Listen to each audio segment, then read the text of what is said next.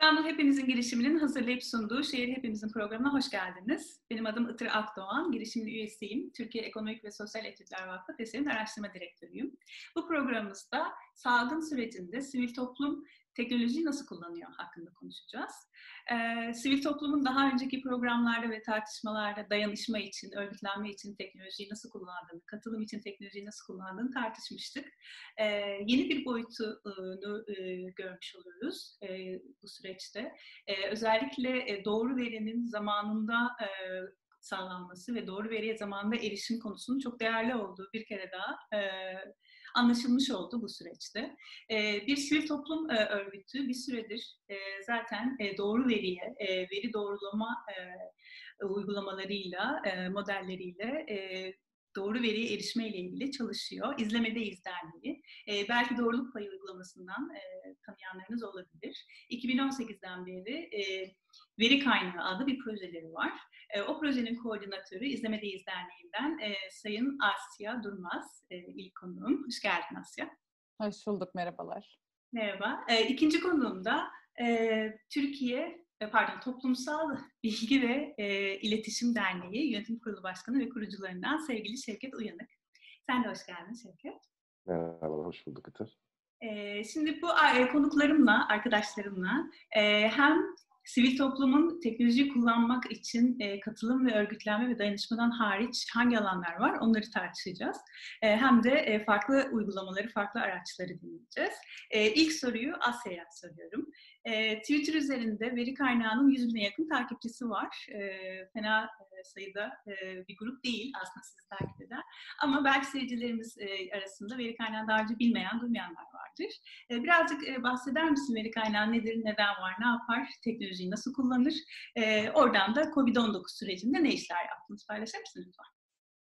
Ee, öncelikle merhaba herkese tekrardan. Ne yazık ki bütün dünya ile birlikte hepimiz çok zor bir süreçten geçiyoruz. Hem bireysel hem toplumsal olarak kaygılarımız çok yüksek seviyede. Ee, ama bir yandan tabii yükümlü olduğumuz işleri yapmaya devam etmek zorundayız. Sizin bahsettiğiniz gibi bu süreçlerde şeffaflık çok önemli. Çünkü insanların e, temel kaygılarını dindirmek için öncelikle bu salgının neresinde olduğunu bilmek istiyor insanlar. Diğer ülkelere kıyasla durumlarını. Ne yazık ki e, doğru bilgi ve uyarılar yeterince verilmezse insanların bu süreçte ne kadar panik olabileceklerini hep beraber gördük. Bu da bizi tekrardan açık veri konusuna getiriyor aslında. Biz bu motivasyonla iki yıl önce veri kaynağı projesine başladık. Bu projeyle birlikte e, Türkiye'de insanların veri okur yazarlık seviyelerini arttırmaya ve açık veri olan ihtiyacı bir farkındalık yaratmayı e, amaçladık. Veri kaynağını oluşturma sürecinde e, Türkiye'de kimler veri yayınlıyor? Aslında biraz e, bununla başladık sürece ve 170'i aşkın kamu kurumu e, veri ve istatistik yayınlıyor. Aslında bayağı iyi bir e, sonuçtu bizim için.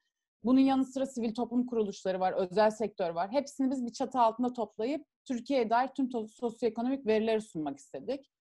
Bunu yaparken de en anlaşılır şekilde e, vermeye amaçladık. Çünkü çok kıymetli çalışmalar var. Fakat ne yazık ki kimsenin haberi yok bu çalışmalardan e, doğru şekilde ulaştırılmadığı için. Şu an sitede bini aşkın içeriğimiz var ve daha da artmaya devam ediyor. Ee, yani veri görselleştirme metotlarını öğretmek, insanlara açık veri bilincini sağlamak bizim dernekteki en temel amaçlarımızdan biri ve bununla ilgili aslında güzel dönüşler aldığımızın da farkındayım. Salgın sürecinde ne yaptığımıza gelirsek ilk önce biz salgınla ilgili Türkçe bir sayfa oluşturmak istedik. Çünkü hep yabancı kaynaklardan erişiyor insanlar bilgiye. Ee, Türkçe bir COVID-19 sayfası açtık. Burada neyi görecek insanlar? Diğer ülkelerdeki vaka sayılarını, e, hem Türkiye'de hem diğer ülkelerde bu arada, e, iyileşme sayılarını, e, ölüm sayılarını görecekler. Bu sayede hem bu salgının neresinde olduğumuzu görebilirler. Her gün vakaların açıklanmasının ardından toplam vakanın üzerine ölüm oranlarını hesaplayıp yayınlıyoruz sosyal medya hesaplarımızdan. Bunun yanı sıra e, e, birçok salgın oldu tabii dünyada. Eski salgınlara dair içerikler de yayınladık. İşte SARS, MERS, e, domuz gribi gibi buradaki can kayıplarını yayınladık. Fakat bu süreç bize şunu da gösterdi. Evet açık veri çok önemli veriye ulaşmak ama tek başına yeterli değil. Çünkü tahmin ediyorum ki herkesin önüne düşmüştür. İtalya'daki birinci günle 10. gün, 30. gün herkes bunu kıyaslıyor ve bir panik havası gitgide artıyor sosyal medya hesaplarında. Bu çok yanlış bir uygulama çünkü veriye ulaşmak değil, veriyi doğru yorumlayıp yayınlamak önemli. Ee, iki ülkenin farklı demografik verileri var, farklı sağlık kapasiteleri, farklı test sayıları var. Aslında bunlarla birleştirip bir içerik sunmak kıymetli. Biz bu yüzden test sayılarını da e, nüfusa bölerek yayınlamaya çalışıyoruz. Test sayılarını da ne seviyedeyiz diğer ülkelere göre insanların bilmesini amaçlıyoruz. Ee, yani aslında herkes yani veriyle uğraşmalı insanlar ama çok hakim olmadan da bu içerikleri yayınlamamalılar bence. Çünkü bazen yayınlanan içerikler panik havası yaratırken bazen de diğer ülkelere göre o kadar da kötü değiliz deyip rehavet rehavete neden oluyor ve insanlar daha rahat davranıyorlar bu süreçte. Ee, bir de biz bir aydır e, evden çalışıyoruz. Evden çalışan şanslı azınlığız. Ve evde de çalışmak dışında e, insan farklı şeylere de ihtiyaç duyuyor. Bu yüzden insanlara eğlenceli içerikler de sunmaya çalışıyoruz. Çünkü sadece salgın içerikleri okumak e, anksiyetemizi arttırıyor toplum olarak. E, işte yerli filmlerden, yerli dizilere, e, IMDb'den yararlanıyoruz bazen. İnsanlara farklı içerikler, eğlenceli içerikler sunmaya çalışıyoruz. Bir de bunların yanı sıra günlük rutinimizde olan işlerimize de devam ediyoruz. Çünkü evet Covid-19 çok büyük bir gündem oluşturdu bütün dünyada ama hayat durmadı. Ekonomi de devam ediyor. Eğitim faaliyetleri de devam ediyor. Biz bu yüzden e, sağlık, ekonomi, demografi alanında birçok veriyi insanlarla paylaşmaya devam ediyoruz. Bir de bu veri görselleştirmelerin yanı sıra da kısa bilgilendirici video içerikleri hazırlıyoruz. Hatta iki tane hazırladık bu son bir ayda. Biri e, COVID üzerineydi. Diğeri de bizim sağlık sistemimizin kapasitesinin ne derece olduğunu göstermek adınaydı. Böyle çalışmalar yapıyoruz şimdilik. Yani anladığım kadarıyla siz hem zaten var olan, açık olan veriyi anlaşılabilir, e, takip edilebilir ve erişilebilir bir şekilde tekrar e, sunuyorsunuz e, dijital araçlarda. Evet. Bir yandan da bunun zaten nasıl yapılacağını, bu e, yaklaşımın yayılması için bunun nasıl yapacağı ile ilgili eğitimler veriyorsunuz. Evet, yani biz aracılık faaliyeti yapıyoruz diyebilirim aslında. Biz bir veri üretmiyoruz. Aslında bu veriyi açmaları için bir savunuculuk yapıyoruz. Evet. Var veriyi erişilebilir hale koyuyorsunuz. Siz zaten evet. bir doğruluk, doğruluk kontrolü kavramını da Türkiye'ye getiren bir dernek olduğunuz için Evet. Sizin sözlerinize inanası geliyor insanın. Teşekkür ederim. Sunuyorsunuz biri. Bir algınız oluyor ister istemez. Bir yandan da anladığım kadarıyla COVID-19 salgını sürecinde hem işte bu vakalar, ölümler, iyileşmelerle ilgili veriler hem de bütün bu COVID-19'un etrafındaki diğer toplumsal ve ekonomik evet. alanlarla bunun bağlantıları nedir? Onlarla ilgili paketler. Bonus Sunuyoruz. Hani eğlenceli, birazcık terapetik yapıyorsunuz gibi duruyorsunuz. Evet, şu anda bu çalışmaları yapıyoruz. Peki, elinize sağlık. Teşekkür ediyoruz. Ee, doğruluk kontrolü kavramını Türkiye'ye getiren bir e, derneğin projesi olduğu için veri kaynağına e, inanasımız geliyor gerçekten. E, elinize sağlık. E, teşekkürler bize doğru ve zamanında e, bu konuyla ilgili veri e, sunduğunuz için. E, şimdi sırada Şevket var. Şevket Toplumsal Bilgi ve İletişim Derneği e, Yönetim Kurulu üyesi, kurucularından. E, çok uzun zamandır dijital e, dünyayla ilgili e, çeşitli alanlarda uzman. İstanbul Hepimizin girişiminde bir üyesi zaten, yabancımız değil. Hoş geldin.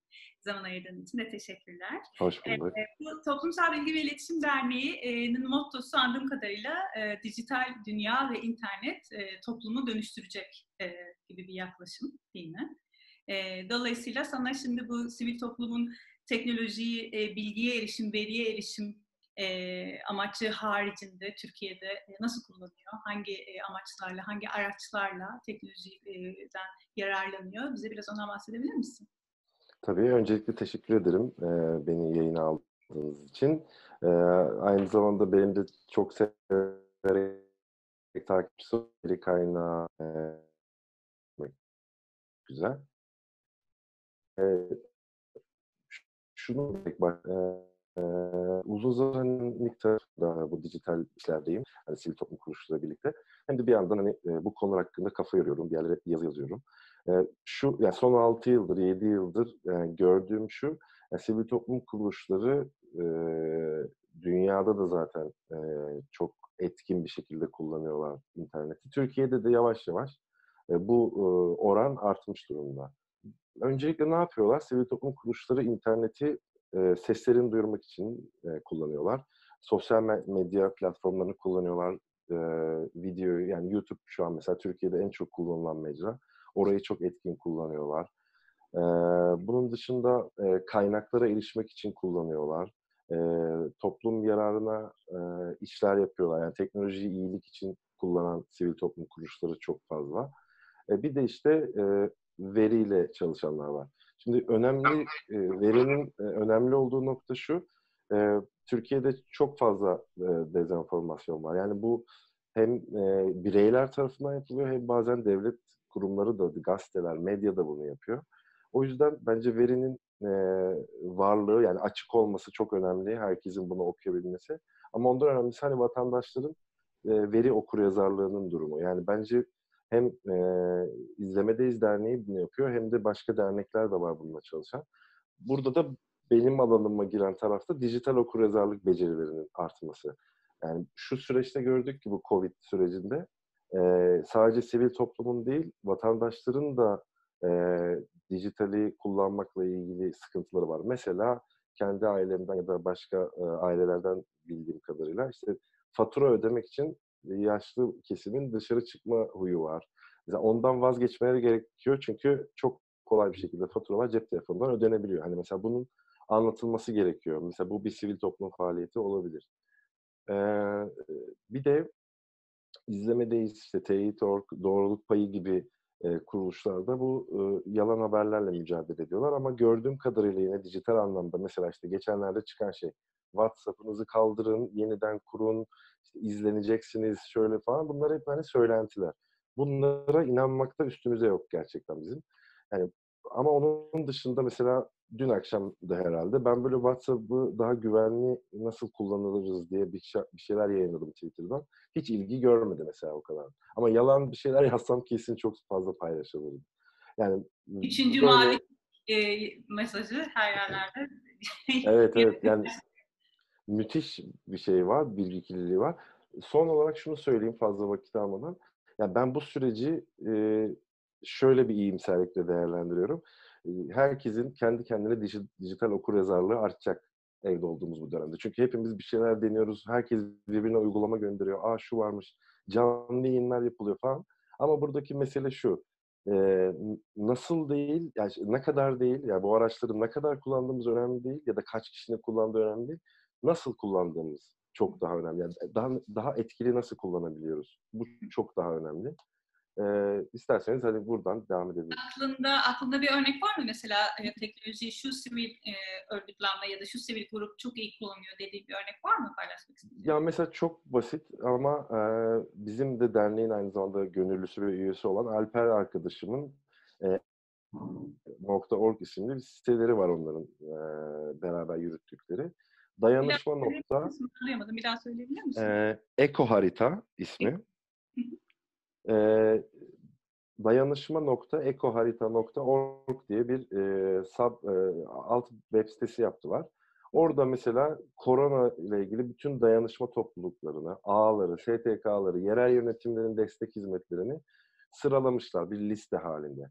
Çok güzel bir çalışma, çok basit e, listeleme çalışması. Ama şöyle bir güzelliği var. Bu Asya'yı da ilgilendiriyor bence. Şey hepsini e, teyitli olarak yayınlıyorlar. İşte atıyorum Adana'nın bilmem ne belediyesi şunu yapıyor. Gerçekten orayı arıyorlar, doğru iletişime geçiyorlar ve listeye alıyorlar. Yani bu çalışma bariz yani ilk verebileceğim örneklerden biri. Tabii çeşitli mahalle örgütlenmede de var. Bizim e, bir e, dayanışma e, grubumuz var sivil toplumda iletişimciler olarak. Orada sormuştum e, arkadaşlara. Onlar mesela bahsetti. Bazı muhtarlar WhatsApp grupları açmış. İşte mahalle örgütleri birbiriyle iletişime Facebook gruplarından geçmiş falan gibi örnekler var. Anladım. Burada anladığım kadarıyla biraz önce e, Ali'nin paylaştığı e, e, hem kategorilerine göre ayrılmış hem kentlere göre ayrılmış iletişim bilgileriyle evet. beraber. Çünkü e, bilgiye, veriye erişim dediğimizde bir e, Asyaların yaptığı gibi COVID e, salgınıyla ilgili e, veri. E, bir de bu alanda kim ne yapıyor sağlıkla ilgili veriye de ihtiyaç var. E, diyelim ki bir e, sivil dayanışma e, ağı kurmak istiyorsunuz. E, bu alanda kim zaten ne yapmış, e, nerede ne ihtiyaç var, nasıl destek oluruz sorusunun cevabını bu verdiğin ekoharita.org yanlış hatırlamıyorsam. Dayanışma.ekoharita. Dayanışma.ekoharita.org'dan e, izleyicileriniz takip edebilirler. Çok teşekkürler. Şimdi şey, ufak bir efendim? şey ekleyebilir miyim buraya? Tabii.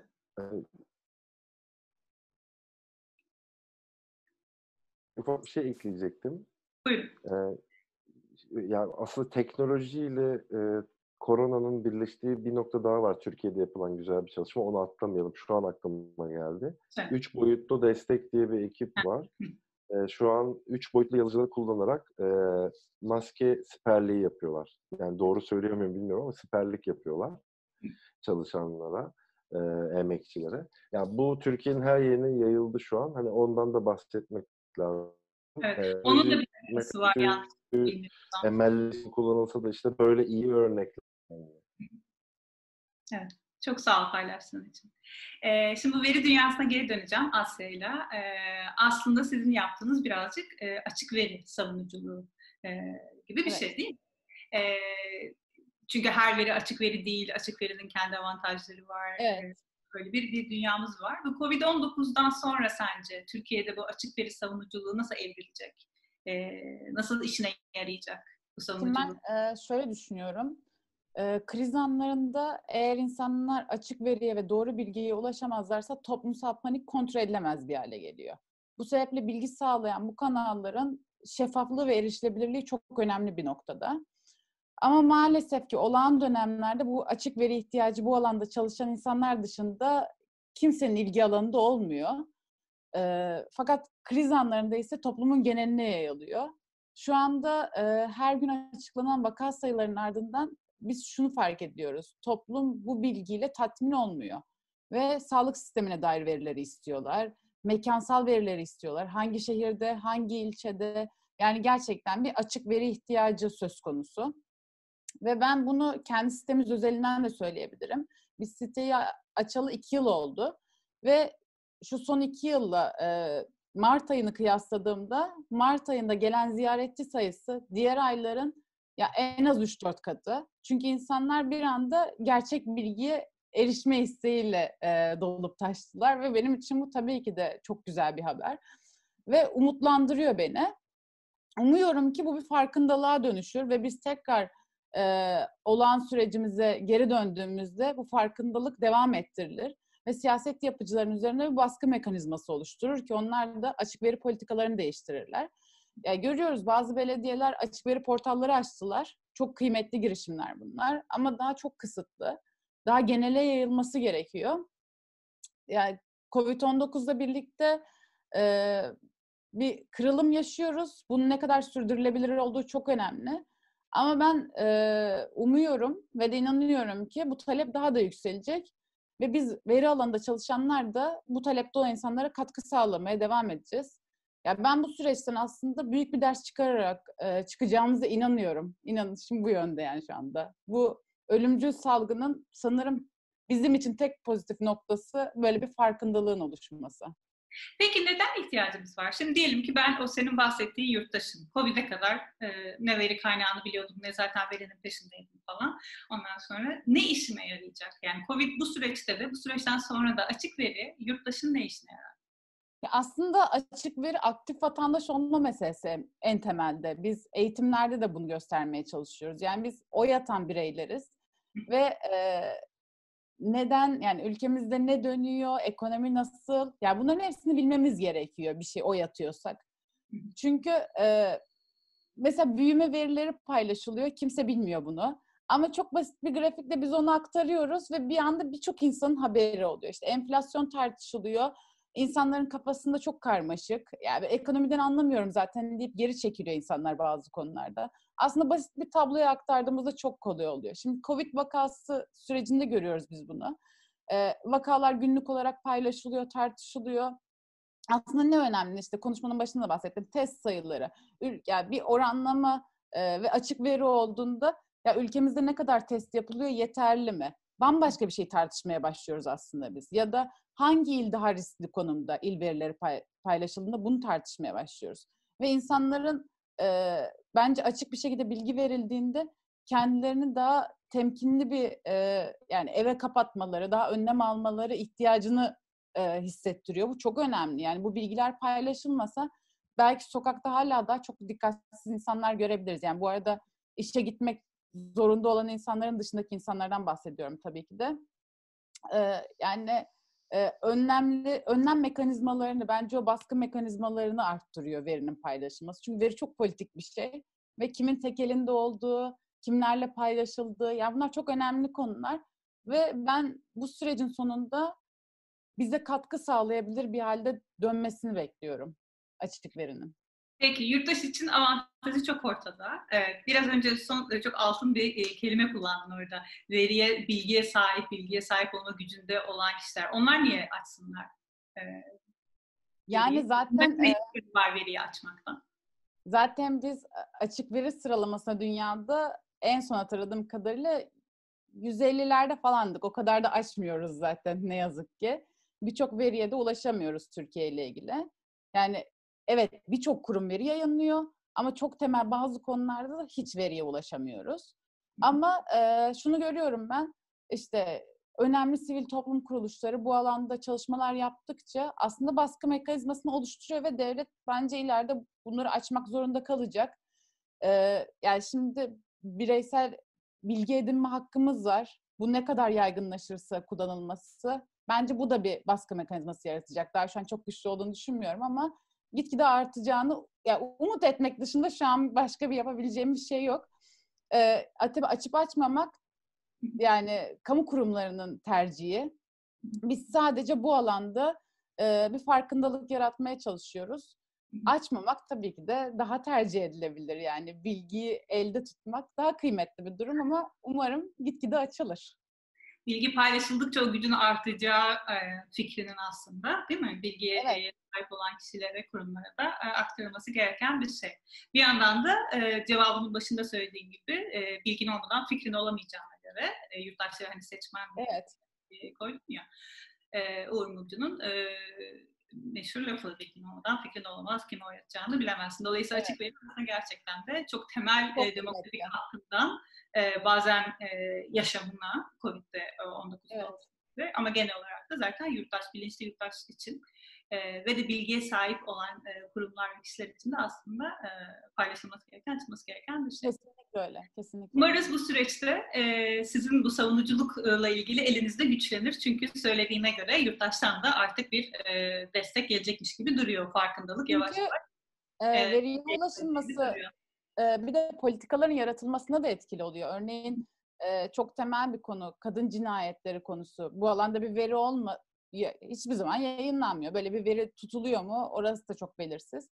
Ama kadın cinayetleri durduracağız platform bu alanda verilerini tutup yayınladıkça kadınlar sosyal medyanın da etkisiyle bir araya gelip aslında baskı mekanizmalarını güçlendiriyorlar. Yani iyi bir durumda değiliz ama belki de daha az ceza alabilecek durumda kişiler sosyal medyanın gücüyle ve verilerin de gücüyle konunun medya tarafından görünür hale gelmesiyle daha e, kabul edilebilir cezalar alıyorlar.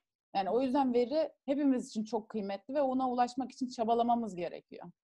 Peki. Bunun öncülerinden olduğunuz için de e, size tekrar teşekkür ediyoruz. Kolaylıklar diliyorum. Teşekkür ederiz. Ee, Şevket Şimdi e, başka bir programımızda e, Tunç Soyer'le, İzmir Büyükşehir Belediye Başkanı Tunç Soyer'le e, bu yönetiş, salgın yönetişiminde e, belediye, sivil toplumla, yurttaşla işbirliğinde e, teknolojiyi nasıl kullanıyor diye tartışıyorduk. E, gerçekten de e, yerel yönetimler ve sivil toplum işbirliğinde e, sadece bu sağda sürecinde değil genel olarak da iyi yönetişimde e, kullanılıyor teknoloji. E, Asya'nın anlattığı gibi bu veriye erişim e, konularında da kullanılıyor. Ama aslında sadece sivil toplum değil, daha e, geniş olarak da senin de biraz önce aslında birazcık girdiğin gibi insanlar daha önce hiç e, kullanmadıkları teknolojileri kullanmak zorunda kaldılar. İşte online yapılan ofis toplantılarından tut da e, sınıfları web'e taşımak, bütün bir eğitim e, kadrosu, öğretmenler ve öğrenciler hiç bilmedikleri, alışık olmadıkları bir moda geçmek zorunda kaldılar.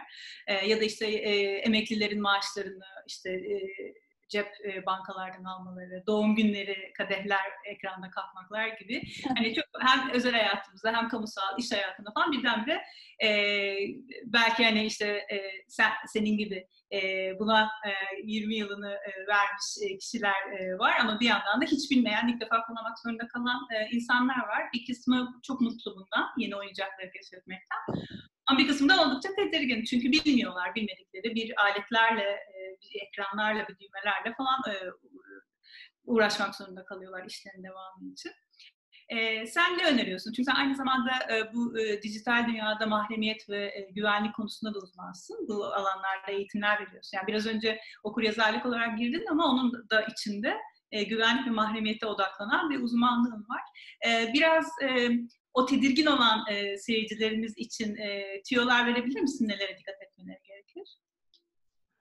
Ya uzmanlık şöyle, ben aslında ben de kendimden dolayı bunları öğrendim. Yani kendim e, internette şüphelerim vardı mesela bilgisayarımda, telefonumda. Ne yapabilirim, daha güvenli hale nasıl getirebilirim diye. Hani kendi kendime öğreterek sonra e, başkalarına anlatmaya e, evrildi. Onu açıklayayım ilk önce. E, sonra şöyle, evet demin de dediğim gibi çok fazla yanlış bilgi dolaşıyor. Ama şu dönem yani koronavirüs sebebiyle tam evde olduğumuz bu dönem temel internet güvenliğimizi e, gözden geçirmek için bir fırsat. Yani çok güzel bir zaman evdeyiz. En çok bilgisayar ve telefonlarımızla haşır neşiriz. Tamam hadi o zaman artık e, şu doğum tarihi olan parolalarımızı değiştirelim. Hani şifrelerimizi değiştirelim. Daha güvenli hale getirelim. Ne bileyim işte kullandığımız işte en basitinden WhatsApp'ta iki adımlı doğrulamayı artık kullanmaya başlayalım. Neymiş bu bir bakalım. Yani benim derdim biraz da bu. Yani o yüzden ilk önce en temel şeyden başlayacak olursak bu şifre meselesi. Yani kullandığımız şifreler o kadar çok şifremiz var ki ve bunlar o kadar güvensiz bir durumda ki internette phishing denilen işte bu oltalama saldırılarına maruz kalıyoruz hem bu parolalarımızın çok basit olması sebebiyle hem de işte internette ki yanlış linklere, sahte hesaplara, sahte mesajlara inanıp bir yerlere tıklayıp gitmek gibi. Yani bunları yapmamamız gerekiyor. Ama dediğim gibi bu süreç bunları toparlamak için en iyi süreçlerden biri. Öncelikle dijital güvenlik meselesinde başlamak için birazcık şüpheci olmak gerekiyor ve o bizde var yani bizim toplumumuzda var. Hani şu üçüncü mavi tik geldiğinde WhatsApp'a işte hükümet okuyormuş mesajları gibi bir paranoya. Onun gerçek olduğunu senden duyabilir miyiz izleyiciler? Ha, o gerçek bir şey değil. WhatsApp mesajları okunamaz yani şu an şifreli bir durumda. Yani o yüzden bir sıkıntısı yok ama tabii ki işte daha geçen gün tartışılan, demin de biraz bahsettiğim bu 56-51 sayılı bir yasamız var bizim. Sansür yasası diyoruz biz. Şimdi ona ek maddeler geliyor. Hani çok ayrıntısına girmeyeceğim çünkü programın yeri o değil ama hani o kanunlarla birlikte ifade özgürlüğümüz kısıtlanacak yine. Bazı sosyal medya hesaplarına hiç ulaşamayacak duruma geleceğiz. Yakında bunların hepsi olacak yani eğer meclisten geçerse bunlar. O yüzden hani bir yandan da kişisel verilerimiz yani veriyi konuşuyoruz. Bir de kişisel verilerin korunması mevzusu var. Zaten bütün mesele de o yani. Şey diyor insanlar ya işte ne olacak ki benim e, kişisel bilgilerimi birileri, şirketler, devletler ele geçirirse ne olacak ki? E, ne olacak ki demek ya da ben işte şey miyim, e, terörist miyim ki falan hani benim verimi ne yapacak falan diyorlar ama işte bu mesele onunla ilgili değil. Amerika'da Facebook'la Cambridge Analytica'nın ortaklığıyla seçim sonuçları değişti. Yani reklamlarla, internet vasıtasıyla. O yüzden hani verimiz önemli. E, dediğim gibi temel basit e, yöntemleri e, alarak yani e, insanlar şu anki dijital güvenliklerini sağlayabilirler. Hiçbir şeyi silmelerine falan gerek yok. Sadece daha dikkatli olsunlar. İşte şifrelerini değiştirsinler. Burada çok uzun sürer tabii bunlar eğitim konuları ama Tabii yani tabii. Belli başlı... yani şifreyi değiştirecek. Evet, evet. WhatsApp'ta ne yapması gerekiyor? WhatsApp'la ilgili çok tedirgin İki, iki adımlı doğrulama kuracak. WhatsApp'ta bir özellik var. Hesaplar kısmında gizlilik, güvenlik kısmında orada iki adımlı doğrulamayı etkinleştirecek. Ee, başka ne yapabilir? Yani şey mesela bizim yani bilgi almak isterse insanlar daha çok e, bizim derneğimizin bir tane projesi var dijital güvenlik diye. Orada sitede biz her şeyi anlatıyoruz. Yazılar çeviriyoruz. Hani dijital güvenlikle ilgili basit ipuçları öneriyoruz. Hatta bir şifre oyunumuz var mesela. Onu yapıp oynayabilirler insan. O oynayarak öğrenebilirler şifrelerini. Linkinizi bir tekrar söyleyebilir misin? Ya da Ali e, göstermek mümkün olur mu web sitesini? Dijitalgüvenlik.org Dijital güvenlik noktasına Güvenlik, tabii. gittiğinde Ben şimdi bir yandan Ali'ye yazıyorum. Program koordinatörümüz Ali'ye. Ee, oradan bilgi alabilirler. Yani e, elimizden geldiğince biz de yakında dernek olarak e, planladığımız bazı yüz yüze eğitimlerimiz vardı. Onları online'a taşıyacağız. Buradan ilk kez duyurmuş olayım. Ee, oradan da yani o bizim e, online yayınlayacağımız hani eğitimlerle de e, vatandaşlar, insanlar bilgi alabilirler. Mesela bu şu an gösterilen sitede çok basit önlemler ve bazı güncel e, dijital güvenlikle ilgili bilgiler mevcut. Yani e, aslında az sayıda da konuştuğumuz gibi e, bilirsen daha e, emin olarak nasıl ki oyunu atabiliyorsan aynı şekilde e, bu e, dijital araçları yeni kullanmaya başlayanlar da mecburiyetten bu Covid döneminde e, sadece sosyal e, işler için değil, sivil toplum için değil ama diğer yurttaşlarda aslında birazcık e, temel birkaç şeyi bilebilirlerse e, ki sizin web sitenizden onu görebilirler. Aslında daha gönül rahatlığıyla kullanıp e, dedikodu e, dolaşan e, özellikle WhatsApp Evet. Dolaşan e, gerçek olmayan insanları korkutmak için e, yayılan şeylere de itibar etmemiş olacaklar. Biraz Evet. sorgulama reflekslerimizi arttırmamız gerekiyor aslında. Biraz doğru, doğru. Kesinlikle sorgulama, merak etme bu ikisi oldukça önemli. Yani mesela şu en çok koronavirüs sebebiyle şöyle mailler geliyor insanlara.